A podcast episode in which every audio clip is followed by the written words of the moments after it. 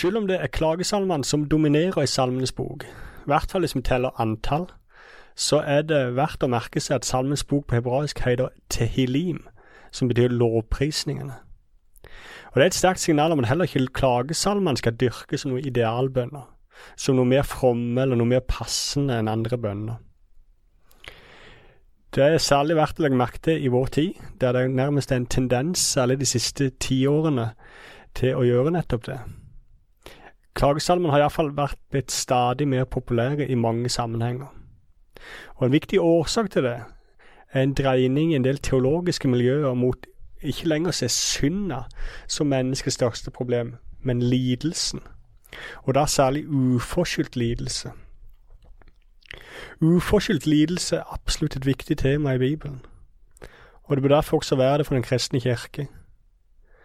Men jeg tenker at det er ganske uheldig hvis det blir forstått sånn at det utkonkurrerer synda som menneskets største problem. Dessuten er det problematisk å gjøre klagesalmene til idealbønner av den grunn at et ensidig fokus på klagen gjerne medfører at lovprisningen tones ned. Og akkurat det vil i hvert fall ikke Salmenes bok være med på. For lovprisningen har en helt fundamental og sentral plass i Salmenes bok, og alltid derfor også hatt det i Den kristne kirke. Og Forskjellen på klagesalmer og lovsang, lovprisningssalmer kan ganske kort beskrives som at mens vi i klagesalmene trekker Gud inn i vår verden og vår virkelighet, så trekkes vi i lovprisningssalmene inn i Guds virkelighet. I stedet for å fokusere på våre feil og vår nød, fokuserer lovprisningssalmene på hvem Gud er, og på hva Han har gjort. Og Vi skjelner gjerne mellom to ulike typer lovprisningssalmer i Salmenes bok. Takkesalmer og hymner eller lovsanger. I takkesalmene der lovprises Gud for hva han har gjort, for at han har grepet inn til frelse og utfrielse og helbredelse osv.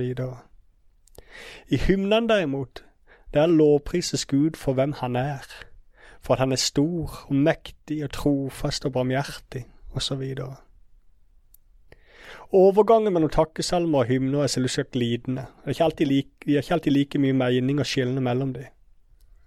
Men ofte gir det mening, og det kan være nyttig for oss å være oppmerksom på forskjellen. Så vi begynner med takkesalmene, så er de nært forbundet faktisk med klagesalmene. I den forstand at de nærmest begynner på mange måter der hvor klagesalmene slutter. Takkesalmene ser tilbake og beskriver et problem som hører fortida til. Og så lovpriser de Gud for at han har grepet inn til frelse og utfrielse. Salme 30. Jeg opphøyer deg, Herre, for du dro meg opp. Du lot ikke fienden fryde seg over meg. Herre min Gud, jeg ropte til deg, og du helbredet meg. Herre, du førte min sjel opp fra dødsriket. Du ga meg nytt liv da jeg var i graven. Salme 34. Jeg søkte Herren, og han svarte meg. Fra alt som skremte, berget han meg. Den hjelpeløse ropte, og Herren hørte. Han frelste ham fra alle trengsler. Eller 116. Dødens bånd snørte seg om meg, dødsrikets redsler nådde meg. Jeg fant bare nød og sorg. Da påkalte jeg Herrens navn. Og Herre, redd livet mitt. Han kom meg til hjelp der jeg var langt nede. Særlig to ting med de takkesalmene er verdt å merke seg. For det første så kommer takken i form av lovprisning. Den uttrykkes i form av lovprisning. Kanskje la du merke til at i de versene, nettopp de tekstene nettopp leste, så forekom aldri ordet takk en eneste gang. Hvis du la merke til det, så la du faktisk òg merke til et påfallende trekk ved hele Salmenes bok, og alle takkesalmene i Salmenes bok. Og det er at det ordet takk nesten ikke forekommer. Selv om det er litt avhengig av hvilken bibeloversettelse du bruker, så finner du faktisk ikke ordet takk veldig mye mer enn åtte-ti ganger i hele Salmenes bok. Det kan virke litt underlig, når vi vet at Salmenes bok er jo Bibelens bønnebok framfor noen. Og ikke minst er det påfallende for mange av oss, siden vi i mange sammenhenger nettopp hører i hver eneste bønn vi hører, så begynnes det og innledes det med ordet takk, og en kortere eller lengre takkesekvens. Der ordet takk gjentas om igjen og om igjen. At du ikke finner ordet takk så mange ganger i Bibelen, betyr selvsagt ikke det at det, det, ikke, at det er lite takking og lite takknemlighet i Salmenes bok. Det henger snarere sammen med det at på hebraisk så finnes det ikke noe eget ord som er forbeholdt betydningen takk, sånn som på norsk og på for så vidt også engelsk og tysk. Det nærmeste du kommer, er ordet jada, som kan oversettes både med takk og med pris. Derfor veksler også norsk oversettelse med å si takk eller pris når de skal oversette yada. Og Så kan man spekulere i hvorfor det er sånn at ikke det finnes et eksklusivt ord for takk på hebraisk. Det er jo et fryktelig viktig ord for oss. Og dette ord vi, iallfall som foreldre, har brukt mye tid på å lære barna mine å si, for at de skal framstå som veloppdragne og takknemlige. At de takker for maten, og takker for besøket, og takker for gaven. Og nettopp det, det at det er noe vi må lære våre barn, har noen foreslått kanskje også er forklaringen på at ikke vi har ordet takk eksklusivt på hebraisk. Ordet takk må læres, men selve saken takknemlighet, den må ikke læres. Den kommer spontant til uttrykk, i jubel, i glede, i fryd, i sang og dans. Det slo meg sist på julaften i fjor. Den ene gutten min fikk ei fotballdrakt, han hadde ønska seg noe fryktelig. Og da han åpna pakka og skjønte hva det var, så gikk han fullstendig i spinn. Han visste ikke hva han skulle gjøre av seg. Han hoppte og dansa og spant rundt, ropte og jubla. Og han avslutta hele greia, hele seansen, med å legge hånda på hjertet og synge Champions League-hymnen. Først da alt hadde roa seg, da var det som han kom på, jeg må jo huske å si takk. Derfor gikk han til slutt, pent og pyntelig, bort til mor og far og sa takk. Men jeg hadde ikke blitt fornærma om han hadde glemt det siste. Begeistringen og takknemligheten både for gaven og for oss som foreldre hadde lyst lang vei, lenge før han kom på å si ordet takk. Så kanskje er det litt fordi vi er så pene og anstendige og dannede og veloppdragne at vi så ofte griper til dette ordet takk. Og det er for så vidt fint, og det er flott, og det er ikke noe galt i det i det hele tatt. Men jeg må innrømme at det er litt mer trøkk og litt mer svung over takkebønnene i Salmenes bok, som roper og jubler, synger og spiller, gleder og fryder seg over gaven, og som ærer og opphøyer og lover og priser giveren, Gud sjøl. Et annet påfalltrekk ved mange av takkesalmene er at de mer enn å si takk eller å lovprise Gud for hva han har gjort, så forteller og proklamerer de hva Gud har gjort. I stedet for å si 'Jeg søkte deg, Herre, og du svarte meg', fra alt som skremte, skremte meg, berget du meg, så proklamerer salmisten i Salme 34 'Jeg søkte Herren, og han svarte meg', fra alt som skremte, berget han meg. For oss høres det kanskje mer ut som et vitnesbyrd enn en takkebønn. Men poenget er ganske enkelt at det er begge deler. Og at det på den måten sier oss noe veldig viktig om takkens natur i Salmenes bok. Det er nemlig for lite at takken bare skjer i et bortgjemt lønnkammer, i en jeg-Gud-samtale lukka for alle andre. Takken er på et vis meint for et større publikum. Ikke fordi den som, den som takker skal sole seg i glansen av sine bønnesvar, men fordi det Gud har gjort for én i Guds menighet, det angår alle i Guds menighet. Vi hører alle sammen, vi hører alle sammen sammen som én hellig allmenn kirke, som vi sier i trosbekjennelsen. Og vi, og vi inviteres derfor alle med i takken. For hva Gud har gjort for den ene, så inviteres hele Guds menighet med til å takke. Og så inviteres vi også med, og så proklameres det også, fordi at det Gud har gjort for én, det er jo et vitnesbyrd om hvem Gud er. Når Gud har hørt og svart ett menneske, så sier det oss noe om hvem Gud er, at Gud er sånn. At Gud er sånn at han hører og svarer på bønn. Et godt eksempel som tydeliggjør alt dette for oss, er Salme 22, avslutningen der, som i utgangspunktet er en klagesalme, men som ender i en takk. Du reddet meg fra villoksens horn. Jeg vil fortelle mine brødre om ditt navn. Midt i forsamlingen vil jeg lovprise deg. For han har ikke foraktet den som er hjelpeløs, og ikke vendt ryggen til den som lider. Han skjulte ikke ansiktet, men hørte det han ropte om hjelp. Og hele jorden skal minnes dette og vende om til Herren. Alle folk og slekter skal tilbe ham. Hva Gud har gjort mot denne ene i Salme 22, står som et mektig vitnesbyrd for alle folk til alle tider om at Gud er en sånn Gud, som ikke forakter den hjelpeløse, og ikke vender ryggen til den som lider, men som nettopp hører dens rop om hjelp. Og Derfor er det sånn at det refrenget som oftest går igjen i disse takkesalmene, det som takkesalmene først og sist vitner om, det er på mange måter det vitnesbyrdet som rammer inn Salme 118, og det går sånn. Takk Herren, for Han er god. Evig varer Hans trofasthet og kjærlighet. Det er på mange måter Salmenes bok sin lille bibel, hvis vi kan si det sånn. Takk Herren, for Han er god. Evig varer Hans trofaste kjærlighet. Og med den takken og lovprisningen av Gud for Hans godhet og trofaste kjærlighet, er vi på, vis, på sett og vis vei over i den siste salmetypen vi skal ta for oss, og det er hymnene eller lovsangen, som nettopp lovpriser Gud for hvem Han er.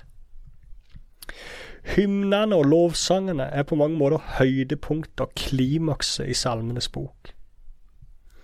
For noen er kanskje det litt uvant, men er kanskje mest vant til at fokuset skal være på hva Gud har gjort for oss. Og da særlig på en særlig måte selvfølgelig på hva han har gjort for oss i Kristus Jesus, han som døde for våre synder og sto opp til vår rettferdiggjørelse, som vi leser i Romerne 4.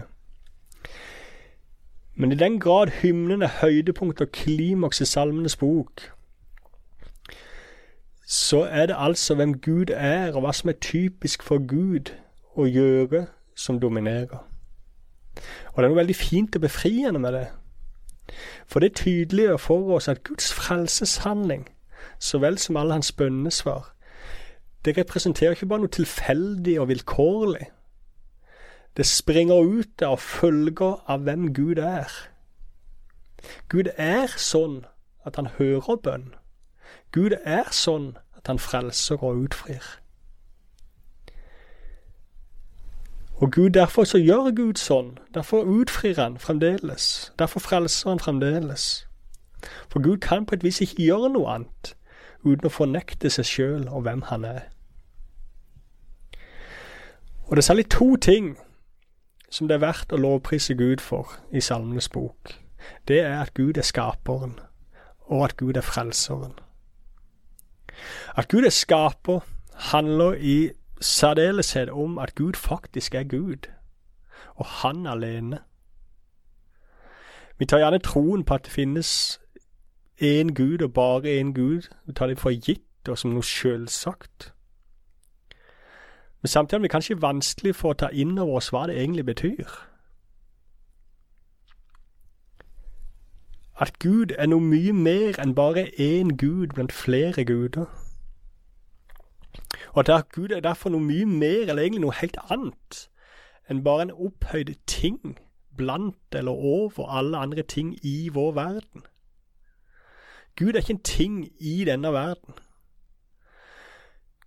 Gud var før vår verden. Han er utenfor vår verden. Og denne verden avhenger av Han. Det treffer derfor ikke når enkelte forsøker å latterliggjøre kristen tro med å si at jeg tror verken på Gud eller på nisser og troll, som om guder og nisser og troll er på samme nivå som ting i denne verden. Det bare avslører at man har ikke forstått hva kristen tro mener med ordet Gud. Men i tillegg til at det kan være krevende å ta inn over seg de filosofiske og teologiske implikasjonene av dette, kan det òg være over, overveldende å ta inn over seg at siden Gud er Gud alene, så betyr det også at den ene samme Gud, han som plasserte sol og stjerne hver på sine plasser, han har også plassert meg som et menneske inn i denne verden som han skapte. Og ikke nok med det, som Salme 8 sier, så definerer Gud oss mennesker som det som han husker på å ta seg av. Sagt på den måten, hvis du lurer på hva et menneske er, på hva og hvem du er, og hvem jeg er, så svarer Salme 8. Et menneske, du og jeg, vi er det som himmels og jorden skaper, husker på og tar seg av. Det er ganske spesielt. I vår verden er som regel sånn at folk med mye makt, enten det gjelder politikk eller næringsliv, så delegerer de ansvar nedover i systemet. De har for så vidt ikke noe valg, og gode ledere er ofte flinke til nettopp det til å gi fra seg ansvar og stole på at andre gjør jobben på en tilfredsstillende måte. Men det er annerledes med himmels og jordens skaper. Han delegerer ikke ansvar for oss mennesker til noen andre. Han selv husker på å ta seg av hver enkelt av oss. Og dette er et av de store og svimlende underne som lovprises i hymnene i Salmenes bok. At himmelens og jordens skaper ikke bare er Gud, men at han er vår Gud, at han er min Gud. Og det er dette som indirekte sies hver gang salmene lovpriser Gud som skaper. Pris Herre, Salme 136. Pris Herren, for Han er god. Evig varer Hans miskunn. Pris Ham som er Gud over alle guder. Pris Ham som er Herre over alle herrer. Pris Ham som alene gjør store under. Pris Ham som skapte himmelen med forstand.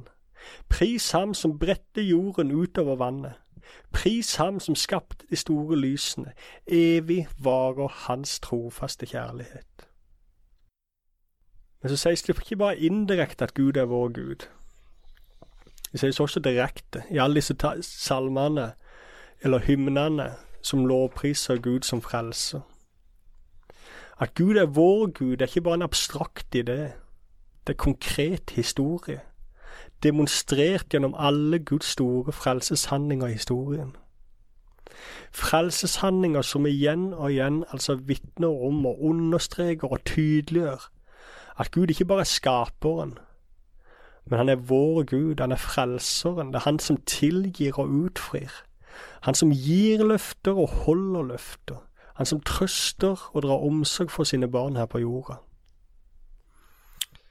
Salme 68. Syng for Gud, lovsyng Hans navn. Herren er Hans navn, juble for ham.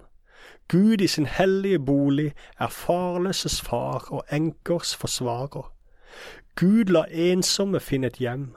Han fører fanger ut til lykke og trivsel. Vår Gud er en Gud som frelser. Hos Gud Herren er det utgang fra døden. Eller Salme 103. Lov Herren min sjel, alt som i meg er, lov Hans herlige navn. Lov Herren min sjel, glem ikke alt det gode Han gjør. Han tilgir all din skyld og leger alle dine sykdommer. Han frir ditt liv fra graven og kroner deg med barmhjertighet og kjærlighet. Han metter ditt liv med det gode. Herren skaper rettferd. Han lar alle undertrykte få sin rett. Barmhjertig og nådig er Herren, sent til vrede og rik på miskunn. Og I disse hymnene så inviteres vi til å være med i dette store koret som lovpriser denne store og gode Gud. Og Derfor begynner nesten alle hymnene nettopp med en slik oppfordring og invitasjon, med en imperativ og det eksploderer fullstendig i de fem siste salmene i Salmenes bok. Og Der forsvinner nesten begrunnelsen for å lovprise Gud bort. Den er gitt i salmene foran. Her er poenget bare at Gud er verdt å lovprise. Og så handler det om å dra i gang det største koret i lovprisning til Gud. 148. Halleluja, lovsyng Herren fra himmelen. Lov ham i det høye, lov ham alle Herrens engler. Lov ham hele hans hær, lov ham sol og måne, lov ham alle lysende stjerner. Lov ham du høyeste himmel og vann over himmelen. Du skal lovsynge Herrens navn, for Han befalte, og de ble skapt. Og i 150. Halleluja, lovsyng Gud i hans helligdom, lov ham i hans mektige hvelving, lov ham for hans storverk, lov ham for hans velde, lov ham med gjallende horn, lov ham med harpe og lyre, lov ham med trommer og dans, lov ham med strengespill og fløyte, lov ham med tonende cymbaler, lov ham med rungende cymbaler, alt som har ånde, skal love Herren, halleluja. Amen.